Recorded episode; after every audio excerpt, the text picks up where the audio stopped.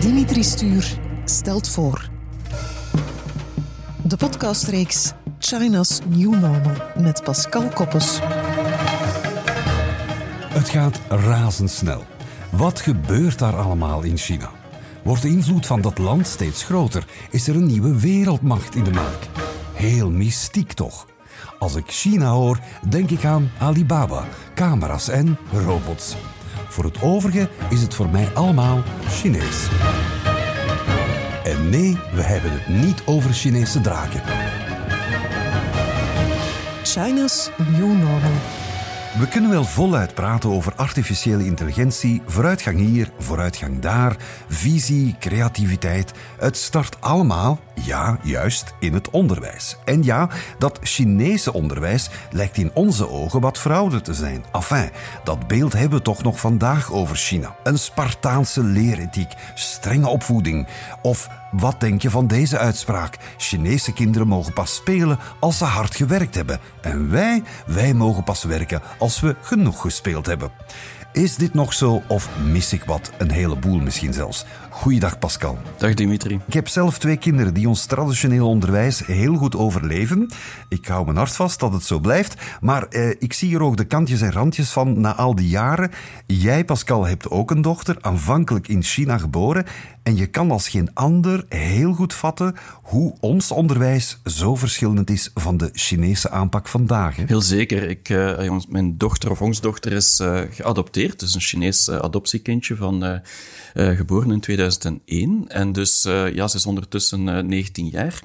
En dus ja, zij heeft het meeste van haar onderwijs in China doorgemaakt.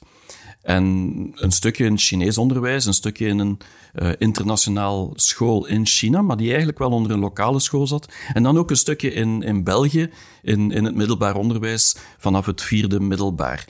En dus we hebben echt die twee werelden naast elkaar gezien, wat enorm boeiend is omdat we ja, het beeld die we van China hebben, van heel streng onderwijs, zoals je zelf al zei, uh, en echt wel dat kinderen eigenlijk geen vrijheid hebben, hebben wij helemaal anders ervaren. En als we dan terugkwamen uh, naar België, dat is in 2016, dan is uh, onze dochter naar een school in België, in, in Gent gegaan, waar het heel ja, uh, open-minded en, en geëngageerd was. Dat was het woord die de school gebruikte. en heel gemixt van, van, van ook achtergronden, cultureel en religieuze achtergronden. En dat trok ons wel aan, omdat wij dachten van ja, een heel open school maar we hebben daar een hele andere ervaring aan, aan achtergehouden of, of overgehouden. Want uiteindelijk bleek het dat, dat ja, er heel veel pestgedrag was op die school. Heel weinig respect naar de leraars en naar de andere kinderen of andere groeperingen van kinderen. En er was een enorme spanning, een negatieve spanning, die mijn dochter nooit heeft gekend in China. En dat was toch wel heel bevreemdend. Ja, over dat respect of gebrek aan respect bij ons dan in scholen, naar leraars, leerkrachten toe, docenten. Ja, dat is in China dan helemaal anders, zoals je eigenlijk aangaf. En letterlijk zo. Ik bedoel, want een leerkracht in China heeft een status zoals een dokter bij ons, hè? Ja, dat is eigenlijk en dat is een stukje uh, het Confucianisme of Confucius, die eigenlijk de grootste leraar ooit wordt genoemd in China, die toch wel de status heeft van ja, hoe ouder dat je bent, hoe meer wijsdom, wijsheid dat je hebt, hoe meer dat je eigenlijk kan vertellen aan, uh, aan anderen en mensen dingen bijbrengen. En dus die status van die leraar staat eigenlijk heel, heel hoog. Uh, en, en dat is heel verschillend van bij ons is onze ervaring toch geweest. Ja, wij, wij zitten, zoals jij zegt in je, je eigen boek China's New Normal, met een respectcrisis in het Westen. Uh, tegenover net mensen met kennis en expertise. En in China is net het omgekeerde. Daar, uh, ja, daar staat of valt alles met kennis en expertise van anderen. Ja, je moet echt uh, die kennis en expertise van anderen gaan opnemen. En dat heb je ook gezien in de coronacrisis. dat wij ook niet dat respect naar, of, of het vertrouwen hebben in, in de wetenschap soms of in leraars. Alles wat, wat in China eigenlijk wordt aanzien als, ja, dat zijn mensen die toch echt wel weten waar ze over spreken. Uh, dan missen wij een stukje hier soms. Of er zijn een aantal mensen in elk geval die dat in twijfel trekken. Waardoor dat je niet die uniformiteit hebt van die maatschappij die echt wel zegt van die leraars die gaan ons van alles bijbrengen. En, en dat is in het onderwerp van, van onderwijs is dat natuurlijk enorm belangrijk. Als je veel respect hebt voor iemand waar je kan van leren, dan ga je ook vlugger leren. Mhm. En die mensen krijgen ook veel meer uh, respect vanuit technologie, bij wijze van spreken, in, in termen van technologie, want ze worden beter ondersteund. Ik zeg niet dat wij het niet hebben in het Westen, maar voor zover ik weet, Smart School is het enige wat ik ken in het Belgische onderwijs. In China zit dat toch wel een heel eind verder, dacht ik. Dat is al een aantal jaren aan de gang uh, dat eigenlijk technologie heel sterk uh, in het onderwijs uh, gestoken wordt op alle mogelijke vlak en, en vooral als tool, als gebruiksvoorwerp om eigenlijk het onderwijs te verbeteren. En dat is zowel voor de leraars, die dan eigenlijk geholpen kunnen worden met dingen zoals artificiële intelligentie, VR, 3D-printing, allerlei dingen eigenlijk om, om de leraars te helpen, om eigenlijk dingen te tonen en, en, en aan te tonen aan de leerlingen, maar ook naar de leerlingen toe om innovatie en, en de vaardigheden van de studenten te verbeteren. Uh, denk aan, aan robotica of de maakindustrie. Dat zijn allemaal dingen die, die heel erg gebruikt worden. En dan ook een stukje om het, uh, zoals Smart School, eigenlijk het, het gebruik van technologie om eigenlijk de communicatie en de, het systeem, het onderwijssysteem eigenlijk te verbeteren. En daar wordt al jaren aan gewerkt om technologie meer in het onderwijs te steken in China. Ja. En betekent dat ook, Pascal, dat het Chinees onderwijs vandaag de dag veel meer de kinderen stimuleert om creatief en kritisch te denken dan, dan bij ons? Wel, ik denk dat uh, creatief en, en kritisch denken is een stukje uh, vrijheid geven om andere, met andere indrukken die je hebt dan de, de regels en de formules die je normaal moet leren. En dus die technologie gaat meestal gebruikt worden buiten de school ook. Dus wat men vaak vergeet is dat die education technology, zoals men vaak zegt, of technologie voor het onderwijs, niet enkel binnen het school, de schoolcontext, maar ook buiten de schoolcontext gebruikt wordt. Waarbij dat de ouders echt willen dat de kinderen bijvoorbeeld meer creatief worden of zijn, of een nieuwe taal leren, of, of in contact komen met, met leraars in het buitenland, of ze zelf naar het buitenland sturen. Maar het, het hele idee is eigenlijk van, ja, die technologie enabled, maakt het eigenlijk mogelijk om meer indrukken te krijgen. En daardoor gaan ze inderdaad die creativiteit ook aanwakkeren. En het kritisch denken, dat is natuurlijk een van de dingen in China die binnen dat framework van China toch wel soms een uitdaging is. Maar door die technologie uh, overstijgen ze de grenzen van de, de internetcensuur vaak. Hè. En eigenlijk weten de Chinezen evenveel als wij uh, wat er gebeurt in de wereld. Hoor. Ja, dus de, de Chinese regering heeft toch niet zoveel controle op kennis over wat er in de wereld gaande is voor de Chinezen? Goh, een stukje wel, uh, maar dan bedoel ik het eerder, of ik denk dat we het eerder moeten bekijken vanuit controle over de echte basisvaardigheden en kennis die nodig zijn, is niet zo verschillend van bij ons. Maar daarnaast zijn de ouders eigenlijk de, de, de motor om andere kennis eh, te geven aan de kinderen. Ja. Je liet het daarnet vallen. Eh, bijvoorbeeld zei een nieuwe taal leren. Ja, als er één taal is die bijzonder populair is in China, dan is het wel het Engels. Hè? Ja, elke Chinees uh, leert nu Engels, zeker de kinderen. Dat is, ja, dat is echt een noodzaak voor, voor die Chinezen. En uh, omdat, ja, zo zien ze zich ook als wereldburger. Maar je, je voelt ook dat, dat dat iets is dat door technologie weer wordt aangewakkerd. Maar uh, voor mij, ja, ik, ik ben ervan overtuigd dat binnen tien jaar elke Chinees die 20, 30 jaar is, eigenlijk beter Engels zal kunnen dan de gemiddelde Europeaan. En dat is toch wel een uitdaging. Ja, inderdaad. Dus even terug naar die creatieve, het, creatieve onderwerp daarvan, Pascal. Want ik, ik zie in jouw boek uh, heel mooie voorbeelden van ja, waar wij in het Westen meer en meer sukkelen met uh, op zoek gaan naar onze identiteit, authenticiteit. Ja, de Chinezen die zijn echt wel opmars aan het maken op creatief vlak ook. En gestimuleerd vanuit het onderwijs. Uh, ik denk aan de culturele diepgang. Je hebt het daarover, uh, vond ik merkwaardig. Uh, de trendsetting is vooral terug te vinden bij schoonheidsproducten. Ja, en dat is onlangs in de laatste jaren nog aangescherpt. er is zo'n bedrijf dat noemt Perfect Diary. Dus het perfecte dagboek in het Nederlands. En dat is een ehm, cosmetica bedrijf. En dus prachtige producten. En die gaan allemaal terug naar kleuren uit het verleden van China. En ze gaan dus eigenlijk die traditionele Chinese cultuur, die ja, duizenden jaren oud is, gaan terug naar boven brengen en kijken van hoe kunnen we die kleuren, paletten en die, die, ja, die smaken en geuren gaan gebruiken om eigenlijk in de cosmetica-industrie uh, een eigen identiteit te creëren voor de Chinezen. En dat is, dat is voor mij eigenlijk tekenend. Dus die, die creativiteit die wij vaak zien als ja, een wit blad waar wij iets nieuws gaan doen, gaan Chinezen vaak teruggrijpen naar hun verleden, die toch wel cultureel heel sterk is. Want we vergeten vaak dat 2000 of 1000 jaar geleden China enorm creatief was en enorm innovatief. Uh, buskruid, het kompas, uh, het papier, het is allemaal in China uitgevonden. Dus er is, er is, enorm veel creativiteit in het verleden te vinden. En, en kun je dat beschouwen als een soort van spin-off al wat we nu zien opduiken dankzij die, die gigantische veranderingen in het onderwijs, Chinees onderwijs, hè, wat je net zegt, die culturele diepgang. Ik lees ook in jouw boek uh, de, de creatieve technologie, fashion tech, stappentellers ingebouwd in schoenen en dat soort dingen. Iets dat voor ons toch nog een beetje onbekend is. Hè? Ja, dat komt wel. En dat zie je ook met die Apple Watch, die nu tegenwoordig ook heel veel dingen kan doen. Uh, maar het verschil is dat wij vaak vanuit de technologie starten, uh, zoals uh, Apple Watch, om dan eigenlijk bepaalde features te gaan toevoegen. En de Chinezen die, die starten vaak vanuit ja, de fashion of de creatieve industrie en die gaan dan die technologie daarin gaan steken.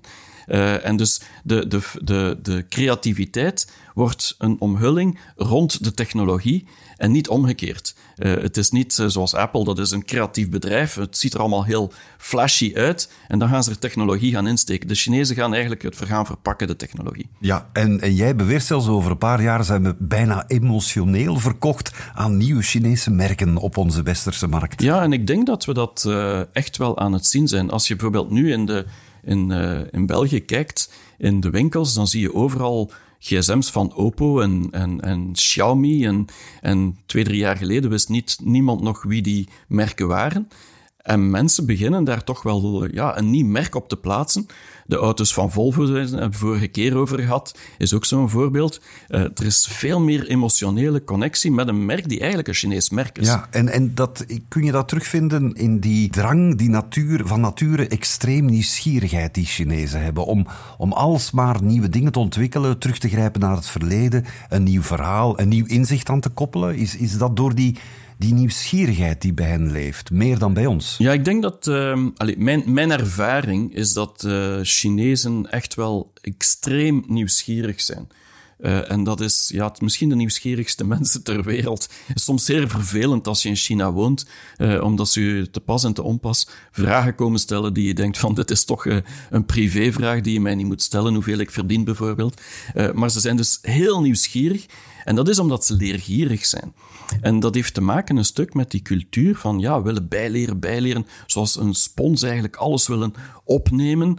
En dat is heel erg, leidt tot creativiteit, leidt tot kennis, leidt tot vaardigheden. En dat zie je heel sterk als je dat dan combineert met dingen zoals passie en, en, en, en de verbeeldingskracht die Chinezen hebben, ja, dan krijg je toch wel een, een bevolking die, die enorm sterk zichzelf gaan positioneren is als een creatieve oplossing naar de toekomst toe. En die voedingsbodem opnieuw zit in dat onderwijs nu. Dat, dat, ja, wij zien het nog altijd een beetje als een extreme harde uh, onderwijsvorm, terwijl er meer en meer een, een melange wordt, een mix van uh, traditionele en moderne elementen hè, in dat Chinese onderwijs. Ja, de Chinezen gaan eigenlijk elementen vaak gaan combineren.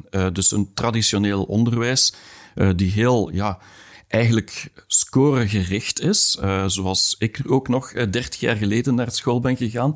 Het was heel erg prestatiegericht. Van je hebt zoveel, uh, zoveel moet je doen op het examen en zoveel punten en anders raak je er niet door.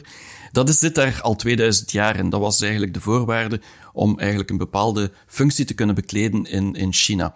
Dat zit daarin, maar ook het, het creatieve verleden zit daarin.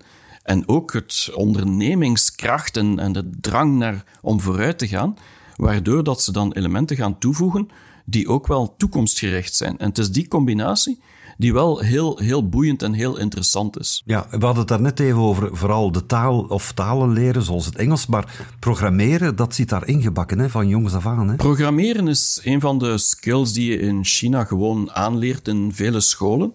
En dat heeft gewoon te maken met het feit dat zij ja, een programmeertaal zien als een taal gewoon. Dat is net zoals geschiedenis, aardrijkskunde, programmeren. Dat, dat staat allemaal op hetzelfde niveau.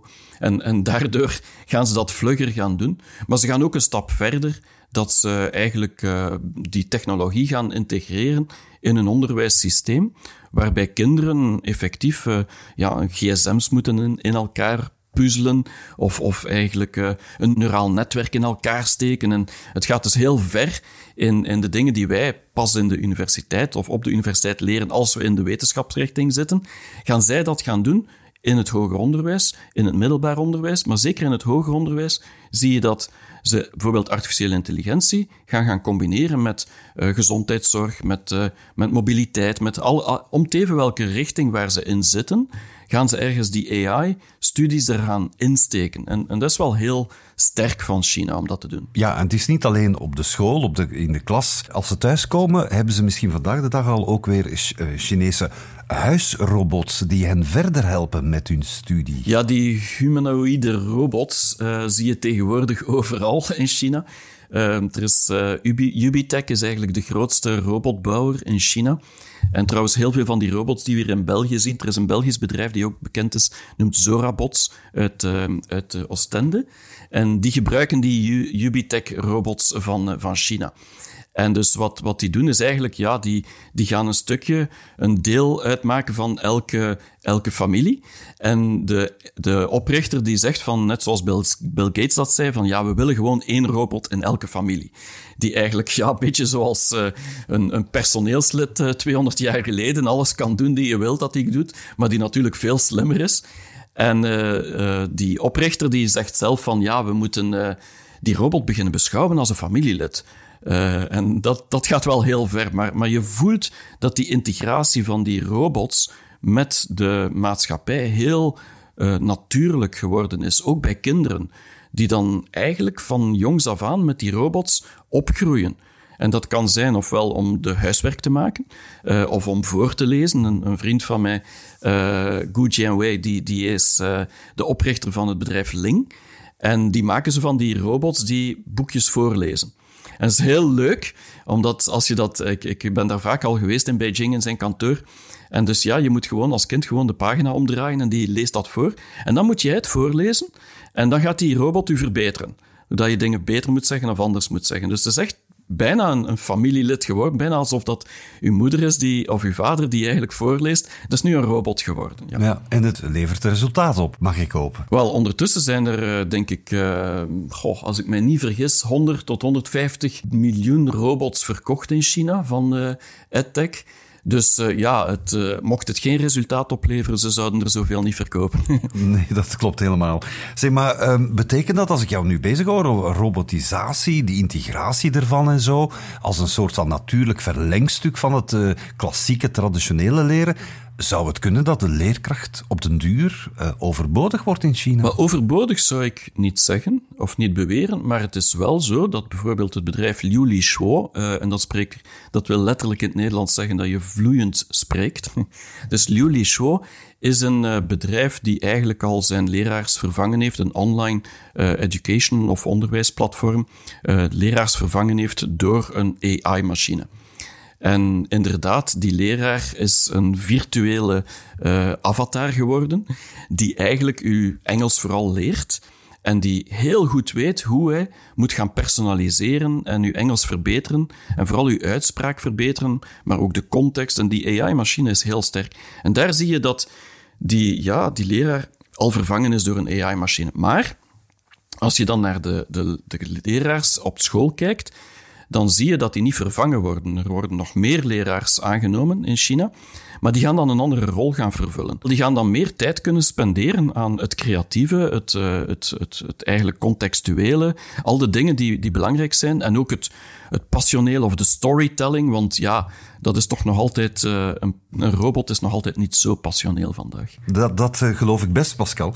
Uh, maar toch eens eventjes naar die leerkracht, een beetje eh, inzoomen op die functie als leerkracht. Wat daarnet zeiden we nog van bijzonder veel respect voor leerkrachten, status van een dokter zoals bij ons hier. Tegelijkertijd zijn ze ook heel vakgericht. Hè? Een leerkracht daar is toch nog anders dan een leerkracht hier bij ons, heb ik de indruk. Ja, wat we hier veel meer hebben is, is leerkrachten die verschillende leerjaren doen. Ook misschien verschillende vakken, geschiedenis en Nederlands en aardrijkskunde. Ze gaan twee, drie vakken combineren. Uh, dat heb je in China veel minder. In China zijn het bijna allemaal experten in hun eigen vakdomein. En dan gaan ze ook meestal een paar, één of twee leerjaren doen en niet meer. En dat heeft natuurlijk te maken met het feit dat er zoveel Chinezen zijn, dat ze ook grote scholen hebben vaak, en dat ze dus vele klassen kunnen gaan doen, maar altijd binnen diezelfde paar leer, leerjaren en ook dezelfde vakgebieden. Dus ze zijn echt experten zoals wij op de universiteit hebben. En dan is er nog iets heel belangrijks, uh, misschien het belangrijkste van allemaal, van alles, uh, is dat ondanks die technologie, ondanks die, die aanpassingen, verbeteringen, er is iets dat wij eigenlijk een beetje beginnen te missen en wat de Chinezen geen tekort aan hebben, buiten nieuwsgierigheid. Dat is hun, ja, hun, hun uh, ze hebben geen schrik om fouten te maken. Ze, ze durven creatief zijn. Ze durven een beetje ontsporen om dan weer nieuwe wegen te ontdekken. Terwijl wij eigenlijk heel voorzichtig zijn geworden. Klopt dat? Ja, dat klopt. In de zin dat. Um, dat is ook in Silicon Valley zo. Ik heb daar een jaar gewoond in Silicon Valley. En ik voelde ook daaraan dat fouten maken eigenlijk normaal is. En in België, toen ik terugkwam na twintig jaar China, merkte ik vaak dat ja, als je ondernemer bent, uh, daar wordt toch raar naar gekeken soms. Terwijl in China is dat zo van, wauw, jij bent uh, ondernemer, je bent een baas, uh, jij durft dat aan. En, en ze, ze, ze vinden dat een goede zaak, dat je durft dat risico nemen. En dat stikt, zit een stukje in die cultuur van China van risico te willen en durven nemen om je eigen limieten te gaan aftasten. Dat is heel erg deel van, van die maatschappij. En daardoor noemen wij de Chinezen ook vaak heel agile. Uh, ze durven proberen, ze maken een fout, ze proberen opnieuw. Nu, het nadeel daarvan is natuurlijk dat er heel veel Chinezen uh, ook wel uh, ja, een business niet overleeft, omdat ze telkens opnieuw proberen. En er zijn ook wel wat drama's daardoor. Ja, ja, uiteraard. Dan, het mes snijdt langs twee kanten, aan twee zijden, altijd natuurlijk. Hè. Maar um, jij zegt zelfs eigenlijk dat is misschien nog het feit dat ze durven fouten maken, nieuwe wegen constant inslaan, met hoop, met een geloof, met het visualiseren van de toekomst, dat dat eigenlijk ja, hen vooral slimmer maakt. Die attitude die wij eigenlijk een beetje verliezen. Intussen. Ik denk inderdaad dat wij nu een beetje de hoop aan het verliezen zijn. Natuurlijk, met corona is dat een heel ander verhaal, maar dat we niet meer echt zien hoe dat de maatschappij kan verbeteren. En dat we nogal destructief soms bezig zijn, terwijl China heel constructief binnen haar maatschappij bezig is. Dus in China heeft men heel veel hoop, omdat men ook heel veel rolmodellen heeft. En ik voel een stukje aan dat wij in het Westen die rolmodellen niet meer zo uh, belangrijk vinden of daar niet meer zoveel aandacht aan, aan schenken. We hebben natuurlijk de Elon Musks van deze wereld, maar zo zijn er alsmaar minder. Uh, we hebben onze nationale groep, oh, nationale team van voetbal. Uh, en dat is heel leuk. Maar daarnaast hebben we toch minder en minder van die rolmodellen waar we zeggen van ja, wij moeten daar naartoe gaan. En China heeft dat heel erg veel. En ik denk dat we dat ook in Silicon Valley nog steeds zien, maar dat we dat een stukje aan het missen zijn in het Westen, zeker in Europa, is die hoop, die drang naar de toekomst eigenlijk dat willen vooruitgaan en een beter leven willen gaan creëren. En dat zie je in China heel sterk. En dat begint bij het onderwijs. Ja, en wij blijven in het Westen een beetje te veel steken in onze eigen comfortzone, denk ik. Ja, comfortzone, maar ook een zone die alsmaar meer uh, onder druk staat, waar we ook het gevoel hebben dat we zelf die comfortzone aan het kwijtgeraken zijn. En, en wij zijn daar een beetje aan, tegen aan het vechten. Uh, terwijl Chinezen meer vechten voor hun eigen uh, verbetering. En ik denk dat daar het grote verschil in zit. Nu, het is niet zo zwart en wit zoals ik het zeg, maar je voelt wel die trend uh, die van het onderwijs start, waarbij Chinezen vooruit willen, en wij vooral niet achteruit. Ja, en op educatief niveau in China strafambities. Want uh, jij schrijft dat tegen 2013 China 16 van haar universiteiten wil tot de top 100 behoren in de wereld. Dat is een zeer serieuze ambitie. Hè? Ja, dat is zeker zo. Um, ik denk dat wij er in België één hebben die in de top 100 zit. Ik denk dat dat Leuven is. Um, maar inderdaad, China wil gewoon er 16 hebben. Nu zijn er zes. En uh, ze gaan daar, als China een doelstelling stelt, dan gaan ze daar naartoe gaan. Dus wat moeten ze daarvoor doen? Heel veel natuurlijk. Uh, ze moeten vooral zorgen dat ze de beste patenten en de beste uh, onderwijsinstelling creëren. Ook de beste leraars aantrekken uit de wereld. En daar zijn ze nu mee bezig en ik geloof dat ze daarin gaan slagen.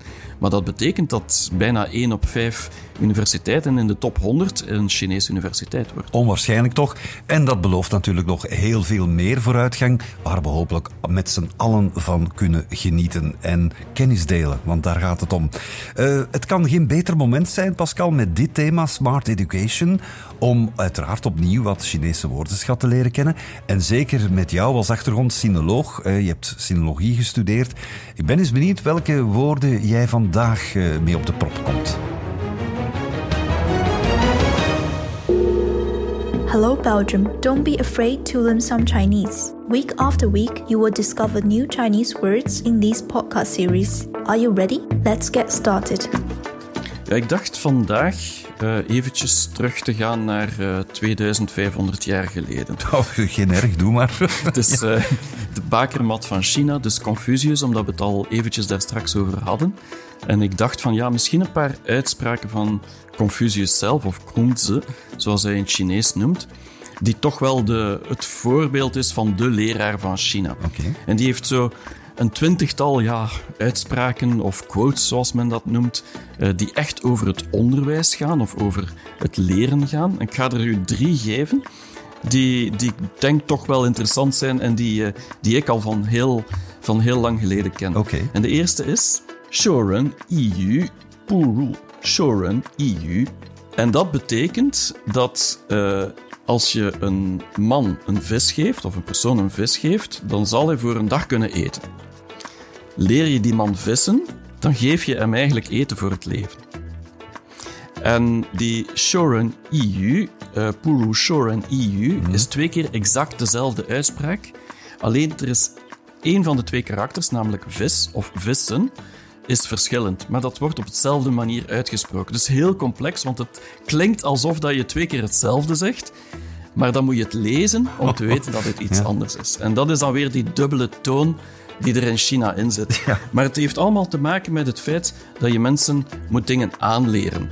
En dat ze dan eigenlijk voor het leven uh, verder kunnen. En, en, dat zit heel sterk in die, in die respectcultuur van, van het Confucianisme. Okay. En een andere is uh, eigenlijk uh, Xueru Tengshan. Xueru Tengshan. En dat betekent studeren is zoals het beklimmen van een berg. Mm, grote wijsheid, alleszins. En dus je moet heel hard blijven doorzetten. En voor Chinezen heeft het echt te maken met als je je succes wil bereiken, dan moet je tonen dat je hard gewerkt hebt daar naartoe. En ik moet daar vaak aan denken ook als ik een boek schrijf, dat ik zeg van ja, ik zie die Everest of die Himalaya daar in de verte, ik zit nog maar aan de helft, maar op een bepaald moment zit ik aan die top en de keer dat ik daar zit, zie, zit dan gaat de wereld er heel mooi uitzien. En, en dat is het idee van de Chinezen, dus uh, dat is weer zo'n uitspraak. En de laatste van de drie uitspraken is uh, San Ren Xing Pi Washer. En dat betekent, in een groep van drie mensen is er altijd iemand van wie je kan leren. en dat is ook weer zo een uitspraak om duidelijk te maken van er zijn heel veel mensen rondom ons waar we kunnen van leren, maar we zien het vaak niet. En we denken er niet altijd aan. En dus van zodra dat je met drie bent, is er altijd iemand die je iets kan aanleren. Dat is het concept van Confucius. En zo zijn er nog tientallen uitspraken die hij heeft, maar het toont allemaal aan van we moeten hard werken, uh, we moeten mensen dingen aanleren en uiteindelijk moeten we openstaan voor zij die ons iets willen aanleren. Op enkele minuten tijd, Pascal, zijn we een stuk slimmer geworden en extra woordschap bij. Dankjewel. In onze volgende podcast zetten we alles nog eens even op een rijtje. Alle thema's die de afgelopen aflevering aan bod zijn gekomen. Met zeg maar best practices, takeaways. Een overzicht van wat we best onthouden over China. Pascal, tot de volgende aflevering. Tot volgende week. Natuurlijk zetten we alles nog eens op een rijtje. Gewoontegetrouw intussen. En zeker voor deze voorlaatste aflevering Smart Education. We gaan een beetje dieper. We zitten in de Chinese klas van Lin Chin weer. En Confucius zag dat het goed was, oftewel meester Kong. De Chinese filosoof en politicus, zoals Pascal zei, uit een ver verleden die vandaag nog steeds wordt gezien als een voorbeeld voor alle leerkrachten. Shouren yi 不如授人以渔。 Geef een man een vis en hij zal een dag kunnen eten. Leer een man vissen en je geeft hem eten voor het leven. Laten we elk woord even apart nemen om je de klanken makkelijker eigen te maken. 授人以鱼，不 如授人 以鱼， Geef een man een vis en hij zal een dag kunnen eten. Leer een man vissen en je geeft hem eten voor het leven. 授人以鱼不如授人以渔。 De tweede uitspraak van 孔子 studeren is zoals het beklimmen van een berg. 学如登山， De woorden apart weer. 学 如登山， Studeren is zoals het beklimmen van een berg. 学如登山。 Oké, we zijn er bijna. De laatste uitdrukking van 孔子 Confucius dus. 三人行，必有我师。 In een groep van drie mensen is er altijd één iemand van wie je kan leren. 三人行，必有我师。 De woorden apart. 三人行，必有我师。 In een groep van drie mensen is er altijd één iemand van wie je kan leren. We gaan nog eens één keer herhalen. Geef een man een vis en hij zal een dag kunnen eten. Leer een man vissen en je geeft hem eten voor het leven. Studeren is zoals het beklimmen van een berg. In een groep van drie mensen is er altijd één iemand van wie je kan leren. Et voilà, je hebt de eindmeet gehaald. Met alle voorbije afleveringen heb je nu intussen een aardige woordenschat in je bagage steken. Dankzij ook de medewerking van juf Ninchin. De volgende laatste aflevering is een terugblik op alle thema's die aan bod zijn gekomen. Tot dan! China's New Normal.